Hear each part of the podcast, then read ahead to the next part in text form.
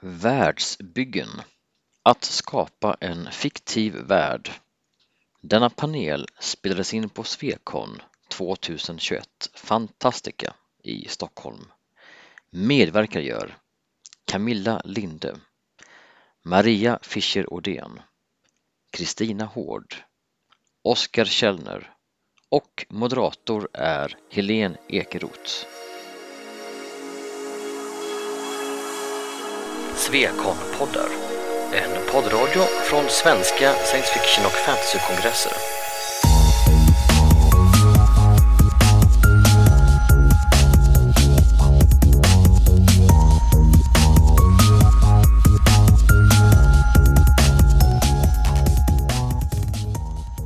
Okej allihop. Eh, och till panelen får man kanske säga tyst i klassen. Jag har ingen aning vad du pratar om. Nej, ehm, vi kan ta det sen. Klockan är sju och vi ska hinna prata världsbygge här i 45 minuter ungefär. Och det finns väldigt mycket att prata om. Eh, att bygga världar är ju ett sånt här klassiskt eh, fantastiktema där det finns väldigt mycket åsikter. Och jag hoppas vi får en, eh, en bra dialog här ikväll eh, med mycket åsikter. Eh, för det är ju så att när man bygger världar inom fantasy och science fiction så hittar man ju givetvis på väldigt mycket. Eh, och det är väl det som är tjusningen med det hela, tänker jag, med världsbyggen. Att man får ta sig friheter, men eh, det finns ju också gränser för vad man kan göra för att det ska funka hos läsaren. Eh, jag tänker att vi börjar med att presentera panelen. Eh, jag ska bara säga först att jag eh, själv eh, skriver också böcker eh, och världsbygget jag har gjort är en Asien-inspirerad eh, fantasyvärld med mycket drakar. Men nu lämnar jag ordet över till er. Och du kan väl börja Camilla? Och en sak, ja, förlåt, en sak till. Ni får jättegärna också nämna en favoritvärld, om ni har en sån, bara som en liten inledning. Eh, bara en, det blir svårt. Eh, men jag kan börja presentera mig. Camilla Linde heter jag, eh, skriver science fiction och rollspel för barn.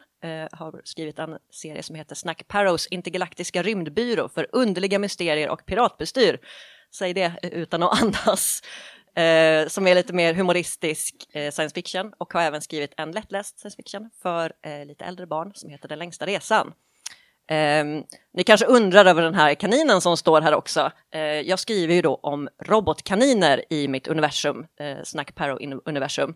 Och därför fick jag igår av mina vänner en nästan robotkanin, så då var det klart att den måste vara med på världsbygget. Får sätta i en motor tycker jag. Du, vi satt igår och försökte sätta i dioder uh, för att ögonen skulle lysa. Vi lyckades inte riktigt, så det blir fortsatt projekt på det. Min favoritvärld är Stephen Kings Dark Tower tycker jag är fantastisk värld.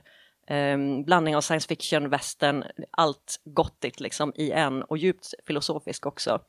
Och det är en sån här värld där man alltid vill veta mer och det tycker jag är ett bra recept för ett bra världsbygge.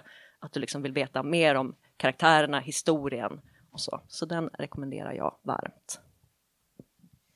All right. Eh, jag heter Maria eh, Fischerdén. Jag har skrivit en fantasy-trilogi som eh, heter Tvåhjärtat-trilogin som utspelar sig i, på järnåldern. kommer att prata en del historia från min del. Eh, och eh, just nu håller jag på med ett barnboksserieprojekt och det leder vidare till min, eh, det, det som jag första kom att tänka på i alla fall när det gäller favoritvärld.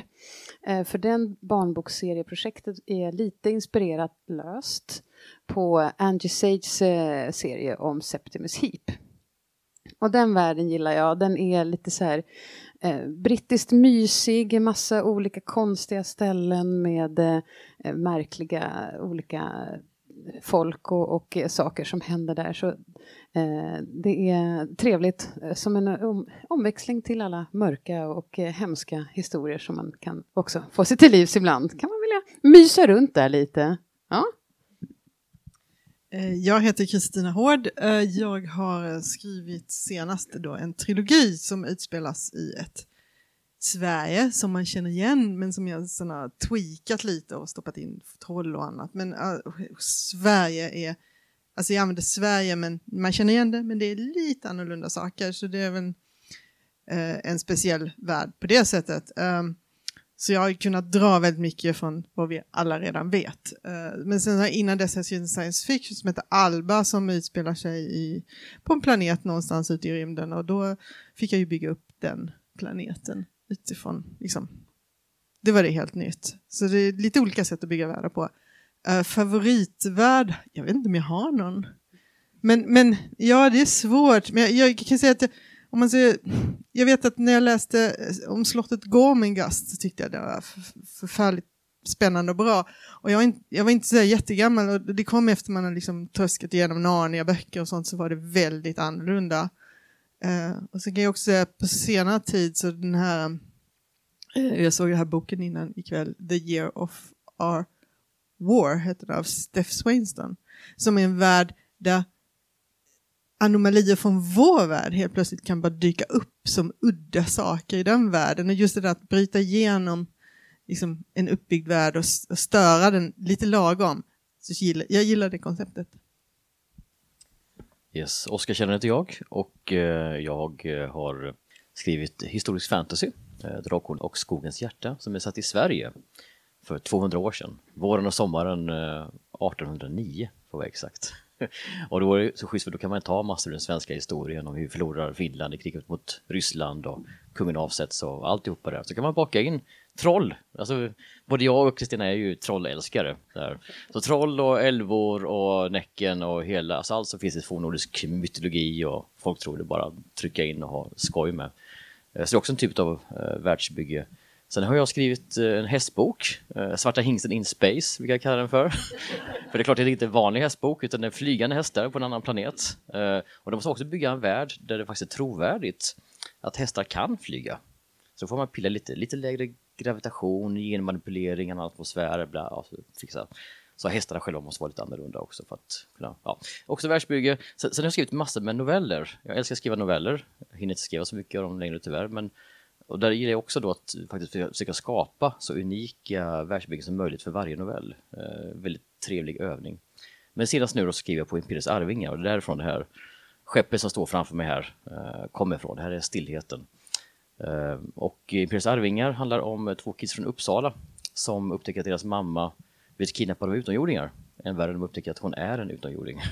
Och då måste de bege sig ut i galaxen på mammas eh, gamla skepp tillsammans med hennes gamla kompisar av eh, aliens för att eh, försöka befria henne och rädda henne. Uh, och uh, Imperiet-böckerna, det, det, vi tänkte tio stycken totalt, fem är släppta än så länge. Och där har jag ju tagit av allt jag läst, typ hela min uppväxt och bara tryckt in för att skapa den här världen. Det är fruktansvärt roligt. Men jag ska inte gå in på allt det för mycket nu, för jag pratar den på här. Jag ska välja också en, en favoritvärld, ja. Just det. Uh, det finns, jag har ju jättemånga universum som jag tycker är så roliga att läsa om och vara i. Men ska jag välja en då som jag faktiskt kanske på riktigt faktiskt skulle vilja befinna mig i? För ganska många är ju hemska annars.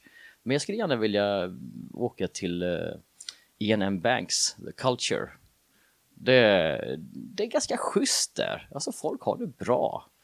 Alltså det är mycket trevligare än, eh, säg, Warhammer 40K eller något sånt där liksom. yes. Ja, jag tänker att vi backar bakåt i tiden först. Eh, och du, Maria, är ju en av dem som använder en historisk setting i, när du bygger världar. Eh, och då tänker jag så här, vad, vad är det som är så lockande med det och vad ger det för mervärde?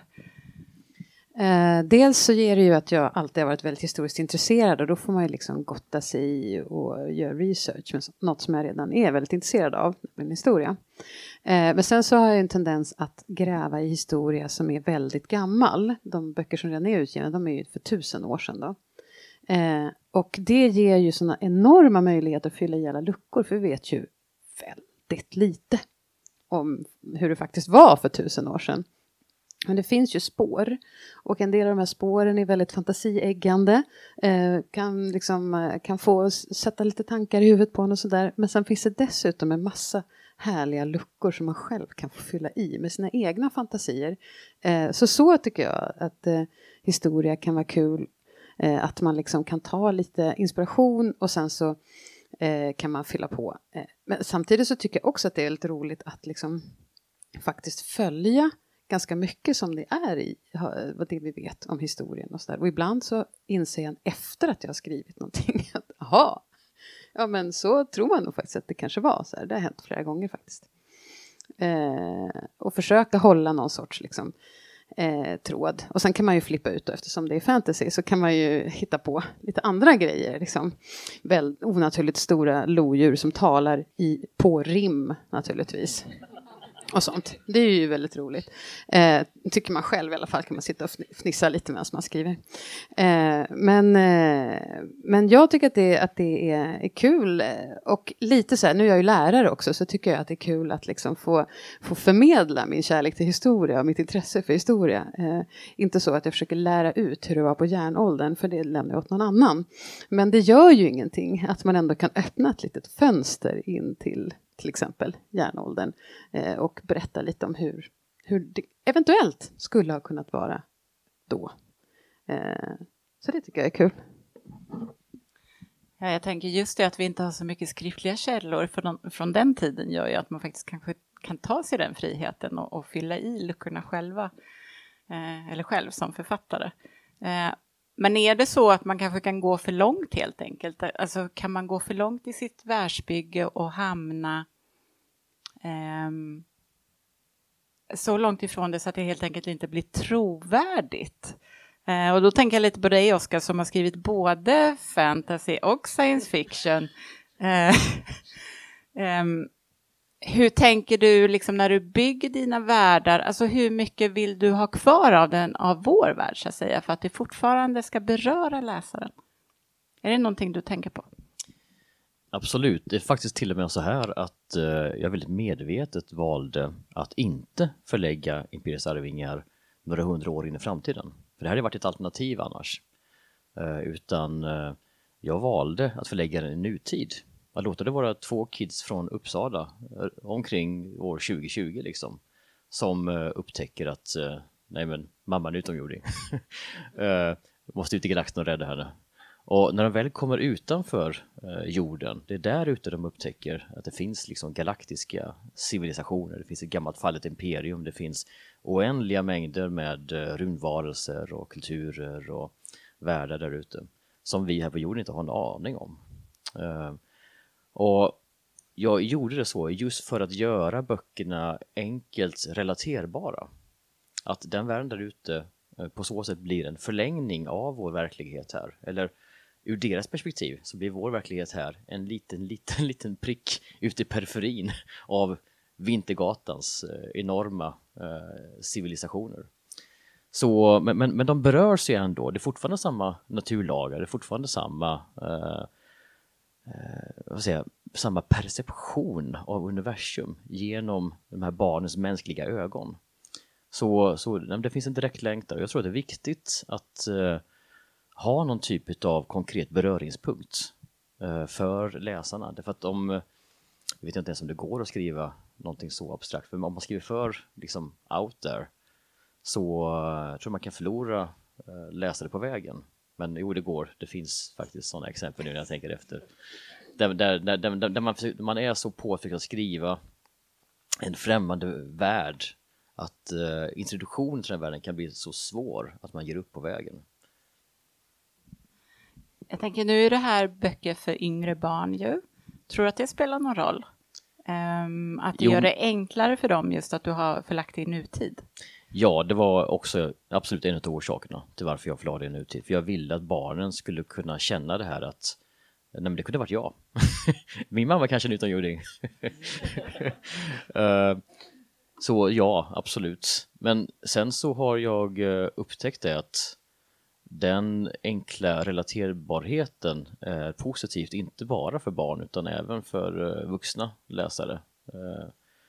Vi, vi, vi, har vinnlagt oss om, jag och Kalle, när vi skapat det här, att försöka göra ett, ett universum som är lika detaljerat som för vilken vuxen science fiction-serie som helst. Ingenting förenklat. Uh, eh, universumet är verkligen så grått och komplicerat och uh, uh, konkret som vilken vuxen science fiction-serie som helst, kanske mer så till och med. Men vi ser det ur barnens perspektiv, men Elias och Alice med huvudkaraktärer. Så det är deras upplevelse och förståelse av detta universum. Men det sipprar hela tiden igenom liksom att det är någonting större och mer komplicerat. Ja. Jag tänker att någonting som jag gillade det är ju att du faktiskt vågar använda en del svåra ord. Mm. Eh, fastän det är riktat till barn. Jo, det, alltså det, ord det som man känner igen äh... även som en vuxen eh, sci-fi-läsare. Ja, precis, Nej, men det, det, är ganska mycket terminologi som man får introducera efterhand. Men redan i första boken så är det ju nanobottar, eller naniter, är nog det ord jag använder. Och det är, det är aliens som har blå hud för de har så här, motsvarande klorofyll i huden så man kan lev, levnära sig på sol och det, det, det är massa, det, det är uh, hyperrymden och det är men jag har, jag har ändå vinnlagt mig om att i det fall då nya termer introduceras, om det så är uh, vad en artificiell intelligens eller sådär, vad det är för någonting, så brukar jag alltid ha med några meningar som sätter det i en kontext. Kanske till och med lite förklarande ord från de andra i besättningen om vad det är för någonting. Eh, så att eh, barnen ska eh, hänga med. Och det gör de. Alltså, och ärligt talat, den feedback jag får från barnen, de är, de är savvy. De plockar upp så här skitsnabbt. Och de har inga problem att hänga med. Alltså, de, de tittar ju på Star Wars liksom. På, massa andra tecknade serier och grejer på Netflix och Disney Plus och grejer. De, de, de förstår liksom koncepten. När de väl får de här lite mer komplicerade termerna förklarade för sig i kontexten, ja men de bara ja. kör. Jag tänker också att det är så, man ska inte underskatta barn. Inte och... underskatta, tvärtom. är det här någonting som du tänker på Camilla? För du skriver ju också science fiction för barn. Um... Och nu tänker jag lite också på hur du har egentligen har byggt din värld. Vad börjar du med när du bygger eh, världar? Börjar du liksom med det här stora baklandet eller går du liksom rakt in i storyn? Ja, jag tänker att det där är nog en så här väldigt personlig fråga utifrån hur man är som författare. Eh, och jag är ju en sån författare som inte planerar någonting. Eh, när jag skriver, jag vet Oscar bara, oh, Gud, hur går det här till? Liksom, det går ju inte. Inte för mig, men jag är jätteglad men, att det eh, funkar för dig. Ja, men så, så funkar det för mig. Jag får en idé eh, och så bara skriver jag. Jag vet ingenting om karaktärerna, jag vet ingenting om världen, men jag vet vad som ska hända. Så jag börjar ofta skriva handlingen. Eh, ofta har jag ett slut, en tanke om ett slut och jag vet att det ska leda ditåt. Eh, men det finns ett undantag och det är faktiskt den här barnbokserien om Snack Parrow. För att där var det karaktären som kom först. Den här rymdpiraten som bestämmer sig för att sluta vara rymdpirat, för det är ju inte så schysst att vara det, man snor ju saker från andra. Så eh, där var det faktiskt karaktären som, som kom först. Eh, och så började jag tänka, ja men vad ska då en före detta rymdpirat göra när han har lämnat sin kriminella bana och ska försöka vara eh, god istället? Ja, men såklart han öppnar en rymdbyrå för att lösa mysterier. Så det, liksom, det började snarare i, i den änden.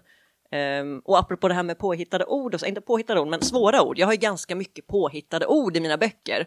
Och jag upplever också att det är någonting som barnen verkligen uppskattar. Det är många som hör av sig och, och nämner de här eh, varelserna och företeelserna Eh, jag vet inte om jag var först med att komma på ett ord för att ta saker när man är pirat, men det är klart att man piratar saker, att det är ett verb.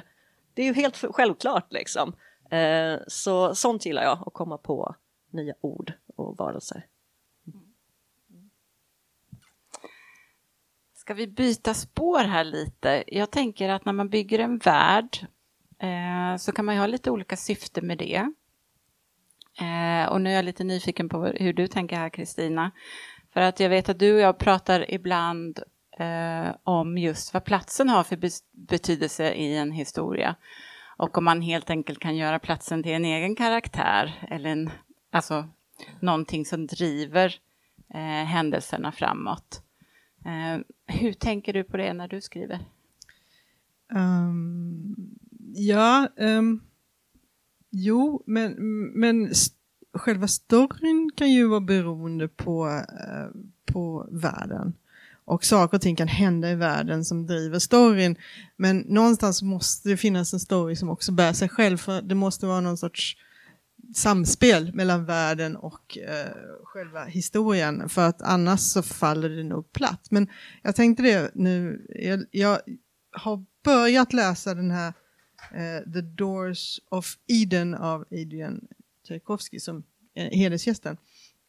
där han verkligen använder världen att driva och propellera hela historien framåt. För att hela historien handlar ju om att den värld som byggs upp med flera parallella jordar eh, som, som liksom på något sätt connectar till varandra. Jag har inte läst klart den, men i alla fall eh, att det är det som driver fram eh, karaktärerna, vad de gör, vad de utsätts för och sånt. Och då använder han ju verkligen världen som en karaktär i berättelsen. Um, jag tror att eh, alltså man, man, man måste tänka på förhållandet mellan själva världsbygget och storyn. Uh, och jag är ju inte sån som planerar som Oskar.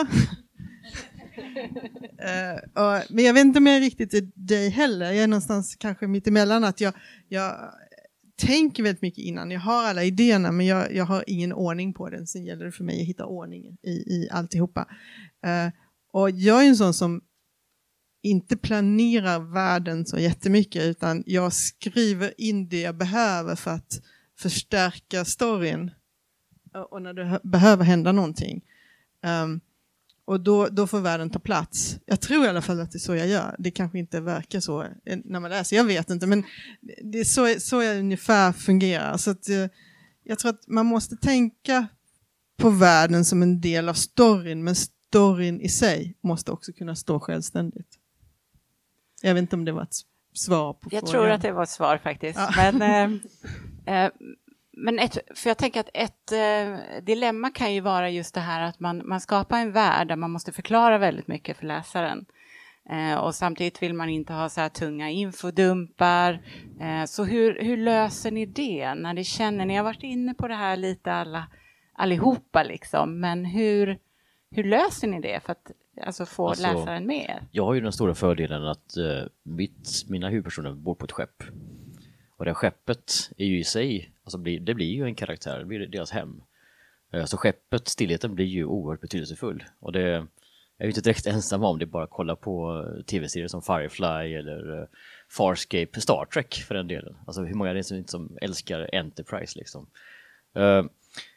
Så, så dels så är ju stillheten en karaktär i sig självt som är väldigt viktig genom hela serien och de får liksom, liksom reparera stillheten, ta hand om stillheten och hon i sin tur tar hand om dem så det finns liksom ett förhållande där eh, emellan dem.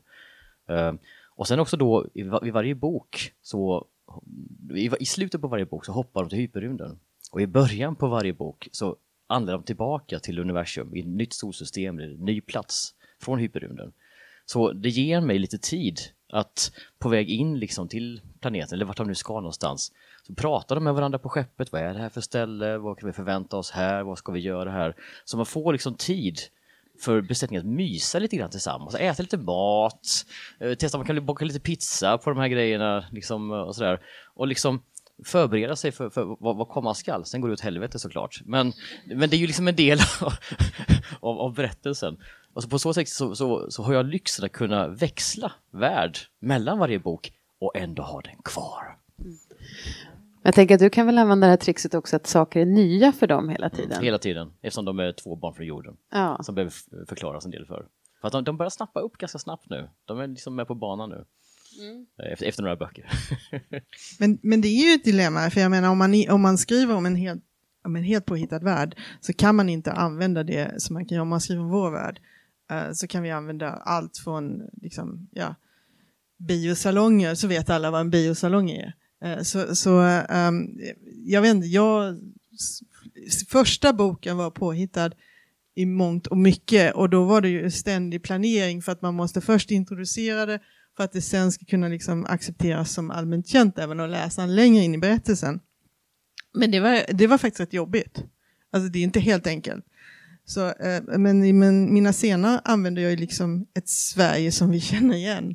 Och sen så gör jag lite extra grejer som jag flyttar lite på Öresundsbron till mellan Helsingborg och Helsingör istället för det är mycket mer logiskt att ha den där, säger jag som är helsingborgare. Um, och jag, jag bygger en en, en um, tunnelbana, en tunnelbana ut till um, Lidingö. Ja, för det behövdes. Alltså, där, där, liksom, och det, men det är mycket enklare, för jag rör mig fortfarande i en värld som läsarna känner till. Så att, visst, det är olika, men det är olika problem, liksom, men det finns ju där. Man får, man får lösa det för stunden, tror jag, i texten. Och då är samma gäller ju för historia då. Om man skriver om något som hände för tusen år sedan. ja, hur lät det där? Ja, som en mobiltelefonsignal? Nej, just det, det gjorde det inte där. Kan man tänka sig någon sorts hackspett kanske? Eller en...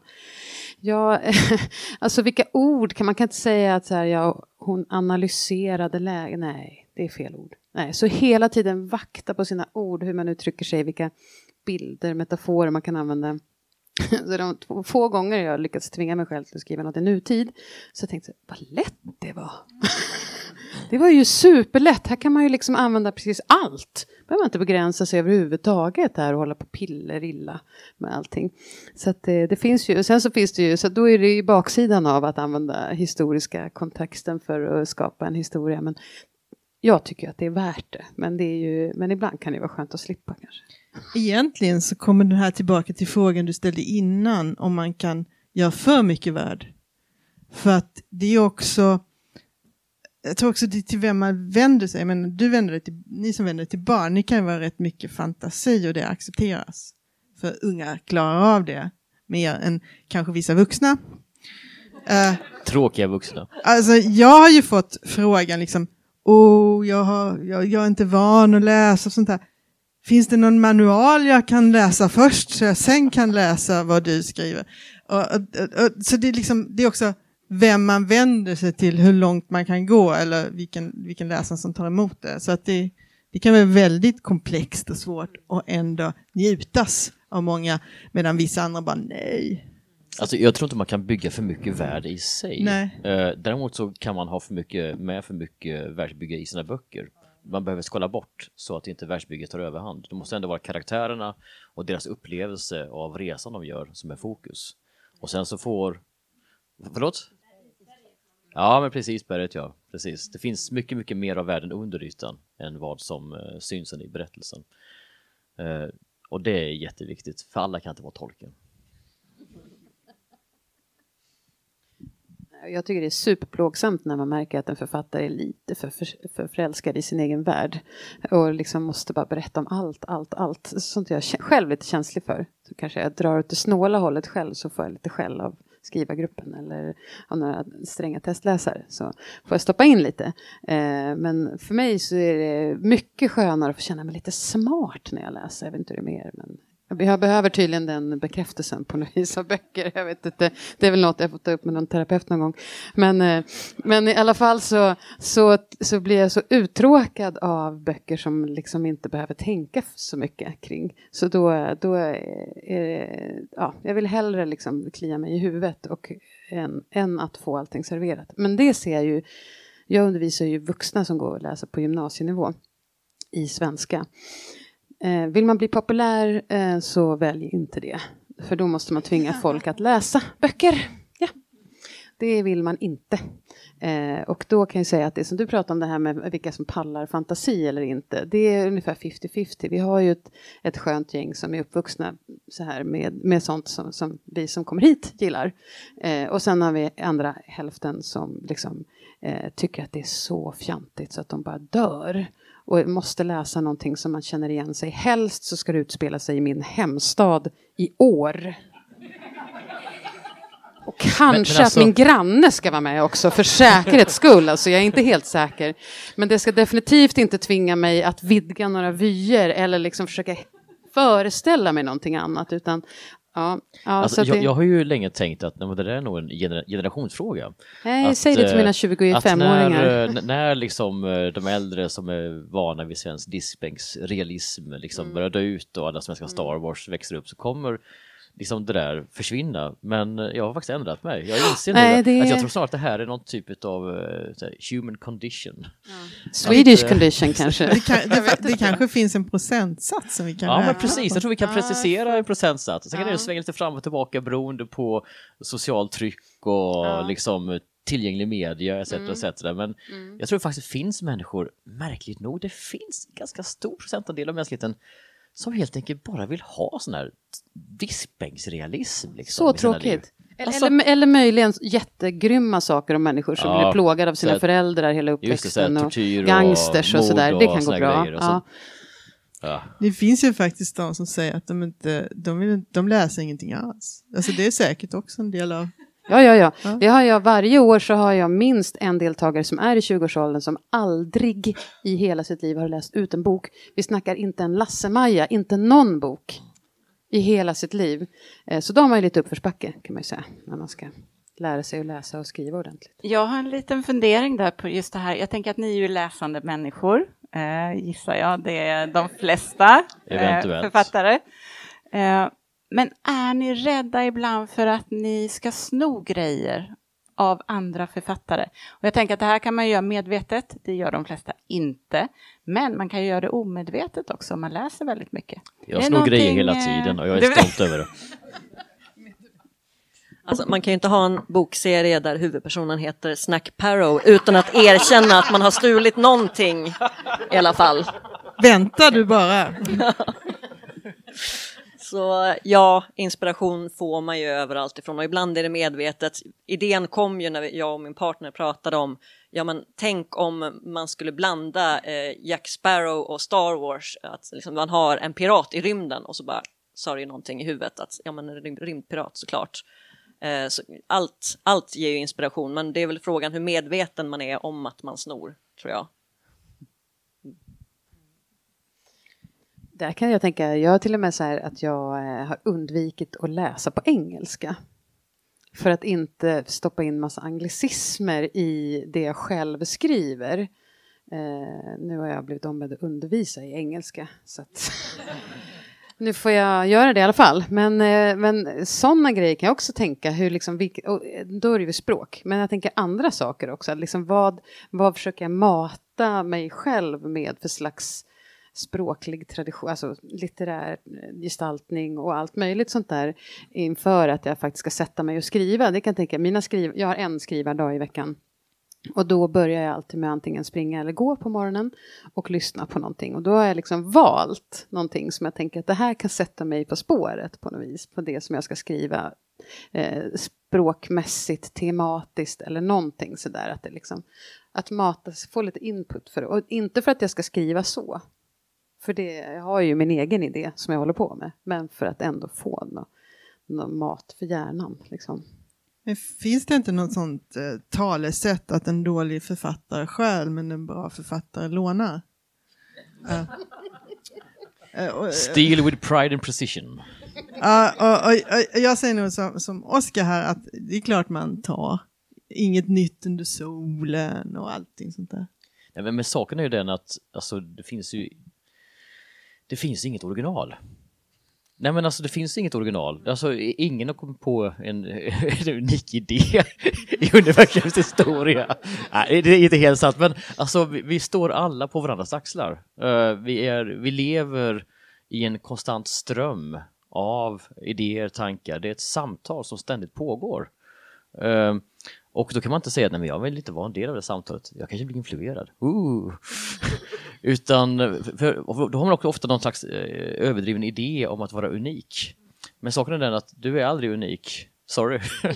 Gå bara in på TV Troops liksom, på nätet och bara surfa runt där på hur de, där de har satt upp de olika byggstenar som används när man skapar någonting narrativt. Alltså att, att, att skapa en historia, eh, det, är som, det är som en legosats. Man tar olika bitar som man tycker om och sen skapar man någonting nytt utifrån det. Jag vet inte om ni har kollat på så här, Lego Masters på tv. Liksom. De har samma legobyggstenar och de bygger underverk och de ser helt olika ut. Och det är samma sak med skrivandet. Man ska inte vara rädd för att använda samma legobitar som någon annan. Tvärtom. Använd dem till dess fulla potential så som du tycker att de ska användas. Det är det som är det roliga. Och och jag kan bara ge några konkreta exempel. Till exempel i, i, mitt, i mitt universum. Jag visste redan från början att jag ville ha ett eh, fäktande universum med rustningar och svärd och sånt där. Varför? För att det är coolt.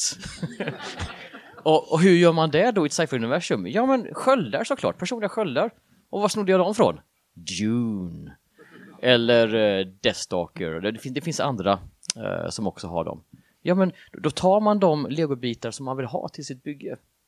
Eller jag, jag ville ha ett kollapsat imperium. Uh, och hur, hur, hur gör jag det då? Jo, jag tänker mig att uh, tidigare så var hela galaxen ihopbunden med eh, uh, sådana stora stjärnportar som flyter ut i rymden som kunde svälja tusentals skepp och bara skicka över hela galaxen på en gång. Men plötsligt en dag så kollapsar hela det, det, det systemet. Och kvar är spillrorna av den här galaktiska civilisationen och det är där som böckerna utspelar sig.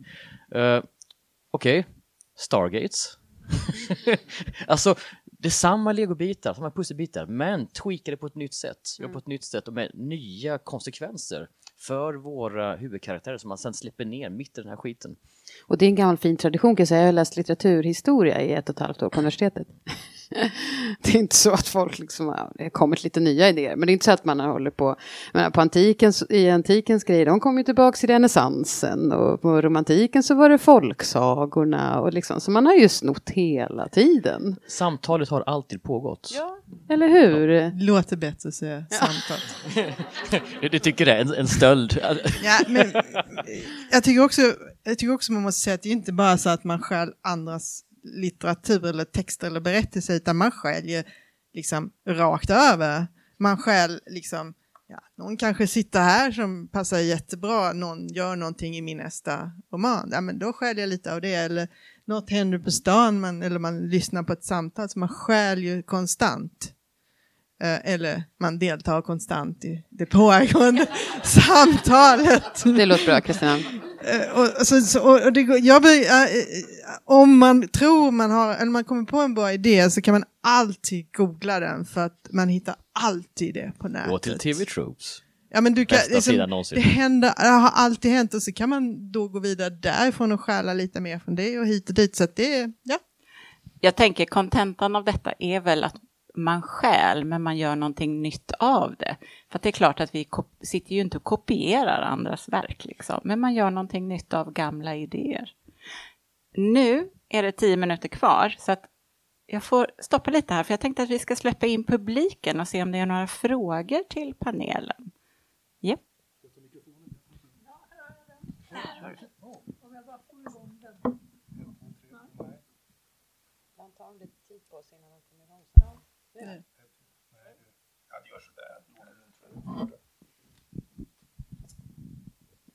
Ett, två, tre. Vilken framgångsrik, internationellt erkänd bok har en värdelös värld, enligt er?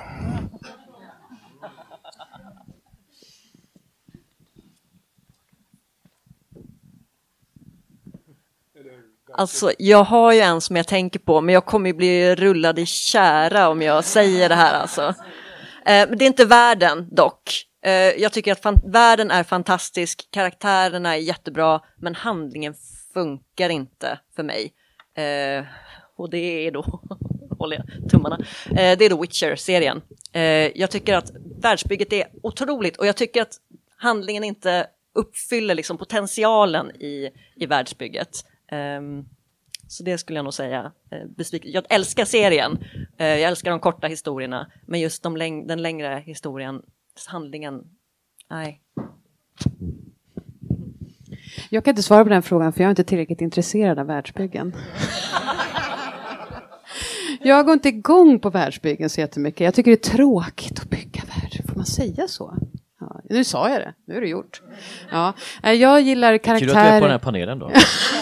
jag vet, jag vet inte hur de gjorde det här. Men, ja, nej, men eh, jag kan knappt förmå mig, jag är lite som du när planering, jag kan knappt förmå mig ta min lilla, lilla skrivtid för att sätta mig och planera i förväg. Det får bli som det blir och så får man städa upp efteråt. Liksom.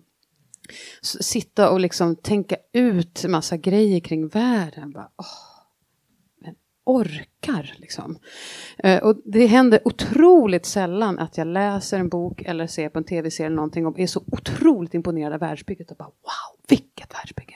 För jag tittar på karaktärerna och på deras relationer och på handlingen och liksom utvecklingen av olika saker. Så kanske det kan finnas vissa beståndsdelar i världsbygget som jag kan tycka att det där var ju lite kul. Eh, men det har inte hänt många gånger i mitt lilla liv som jag har tänkt att så här, Åh, den här boken är så värd för att den har ett sånt världsbygge. Nu får jag erkänna det, nu har jag gjort det. Ja. Sån är jag. Ja, men det har nog inte jag heller. Alltså jag tycker det är jättesvårt för egentligen alla böcker oavsett om det är fantastikböcker så är egentligen alla böcker innehåller ett världsbygge. Sen kan de ju vara mer eller mindre realistiska. Men ingen story, ingen världsbygge blir bra om inte storyn håller.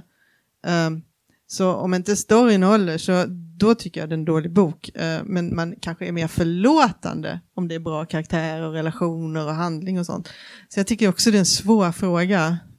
Så den kommer jag tänka länge på nu. Efter det här. Alltså jag kan inte komma på något världsbygge som är värdelöst. Det är för jag tycker ofta det finns roliga kvaliteter eh, i dem för, för det mesta. Däremot så finns det ju eh, enormt stora franchise och böcker som slaget rejält som har stora luckor i sitt världsbygge. Men det är bara för att jag är sådär jobbig logisk människa. Alltså, nej men eh, ska vi, alltså, jag kan till och med nämna två stycken. Eh, det första, Matrix. Alltså, om du nu är en människa så har ni gärna kopplat till en simu, sim, simulator. En simulation, tack så mycket. Eh, och eh, den datorn på något sätt vill stoppa dig från att göra någonting. Jag vill inte banne mig skicka en massa agenter som skjuter på dig med virtuella pistoler. De raderar den processortråden och puff, så är du borta. Men det hade inte blivit en lika Nej, bra det hade inte film. blivit en lika bra film, jag vet det, jag vet det, jag vet det. Men, men ännu värre då, varför har maskinerna förslavat människorna?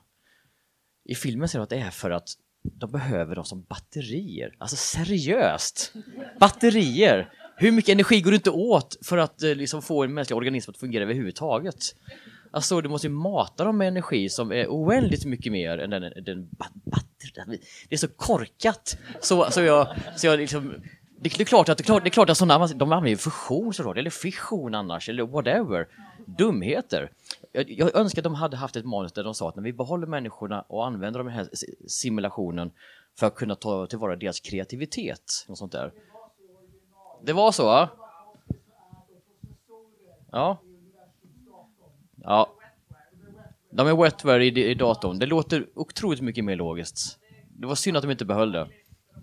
Det var för krångligt för de dumma amerikanerna, eller vad sa du? Men, men det kommer väl en, en, en uppföljare Ja, nu snart? det. Du får svara Ja. på alla dina frågor Ja. där. Och det, det andra universumet, och det här är ett universum jag verkligen älskar, och karaktärer jag älskar, böcker jag älskar, men Harry Potter.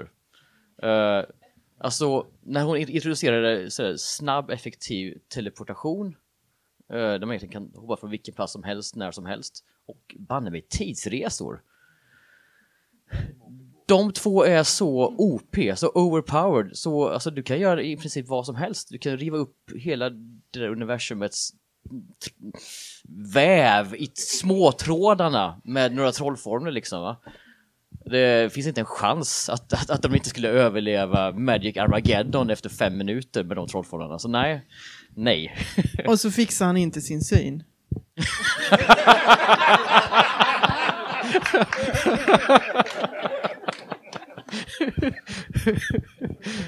oh.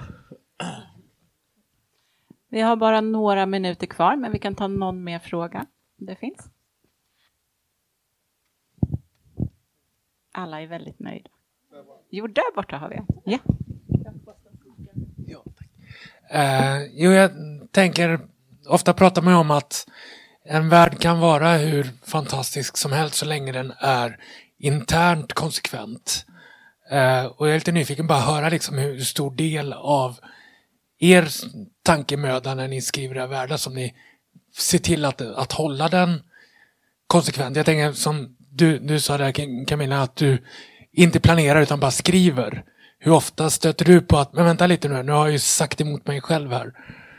Massa. Alltså, jag skriver ju inte riktigt lika vetenskapligt kanske som andra heller. Jag har ju till exempel hyperfart. Man kan färdas väldigt snabbt i rymden eh, med konsekvensen att du ibland börjar prata baklänges. Så alltså, den, jag är ju konsekvent med att det är så. Ibland händer det, ibland får man extra ögon, men man vet aldrig riktigt. Eh, men jag menar, det är en annan typ av konsekvens kanske. Eh, men den försöker jag hålla mig till såklart. Eh, och den världens regler som ändå finns. Men sen kanske de reglerna är lite lösare eh, än vad en annan science fiction-författare kanske skulle ha. Och jag är väldigt mycket generösare än, än du, Oskar, när jag tittar på saker och eh, sväljer logiska luckor med hull och hår. Bring it on, bara historien är bra. Det spelar mig ingen roll och därför behöver jag väldigt duktiga testläsare. och en duktig eh, eh, förläggare som hjälper mig att täppa igen mina egna logiska luckor, för de är inte så viktiga för mig. Eh, Men de behöver ju täppas igen för att det ska vara irriterande när man läser. Men, men som läsare så är jag väldigt generös. Alltså jag är nog... Eh, eh, när man skriver så befinner man sig ju inne i sin egen bokbubbla. Eh, och för mig så är det väl viktigt att jag håller mig innanför gränsen hela tiden. Så att jag, jag tror jag checkar mig, alltså automatiskt att jag håller mig, checkar mig själv liksom i skrivandet så att jag inte trillar ut. Eh, så jag är nog så här hypernoggrann. Och väldigt så här, Oscar. Ja, nej men som ni förstår vid det laget, jag, jag är ju jag är ju 100% eh, hela tiden. Eh, men det är också därför att jag känner mitt universum. Eh, jag vet hur det fungerar. Jag, jag, jag, jag har koll på precis liksom, hur det fungerar eh, på alla sätt och vis. Och det innebär det att när jag, när jag väl skriver så skriver jag helt enkelt jag, jag, jag skriver realism. Fast i det universumet. Alltså så är det och, och då, då hänger alltihopa logiskt också. Och det är faktiskt, man, kan, man skulle kunna tro att det, att det är begränsande, men det är det inte. Utan tvärtom kan jag känna att dessa logiska begränsningar, eller, ren logistik, att ta sig från punkt A till punkt B, kan bli fruktansvärt dramatiskt. Just tack vare dessa begränsningar, för det, det är inte hyperrymdsdrift, det är inte magiskt liksom, va? utan det finns vissa saker som krävs för att få det att funka. Du kan inte hoppa för nära en eh, en eh, till exempel, så du kan inte hoppa för nära en planet eh, och sådana saker. Men sen såklart så, så vi har det här med isbergsliknelsen eh, då, så jag, jag känner till hela isberget, läsarna känner bara till toppen. Så jag kan ju ibland gräva ner och göra oväntade saker som först är såhär, va, kan man göra så? Jo, för jag vet mer än vad ni vet. Sådär. Men ja, total konsekvens hela tiden, för det tycker jag är en grundplåt i att få världen att kännas trovärdig och realistisk, att man köper den och i sin tur också då ger en emotionell payoff. För känns det inte riktigt verklig, ja men varför ska jag då bry mig? Typ. Men, men det är också det tror jag att själva skrivprocessen är lite som lägga pussel eller detektivarbete. Eh, och då måste man, det måste lösas ut. Eh, så så är det, ju, det där att själv känna sig nöjd är väldigt viktigt i skrivandet och då tror jag att man kontrollerar sig själv för att uppnå den känslan, i alla fall jag. Samma. Och där får vi sätta punkt på en väldigt rolig paneldiskussion. Tack så mycket panelen eh, och tack så mycket Tack så till er mycket. som kom hit.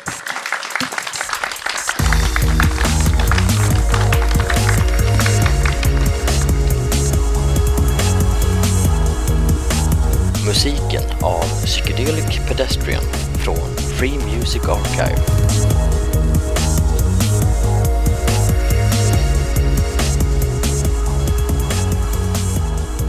Besök gärna vår hemsida på svekonpoddar.se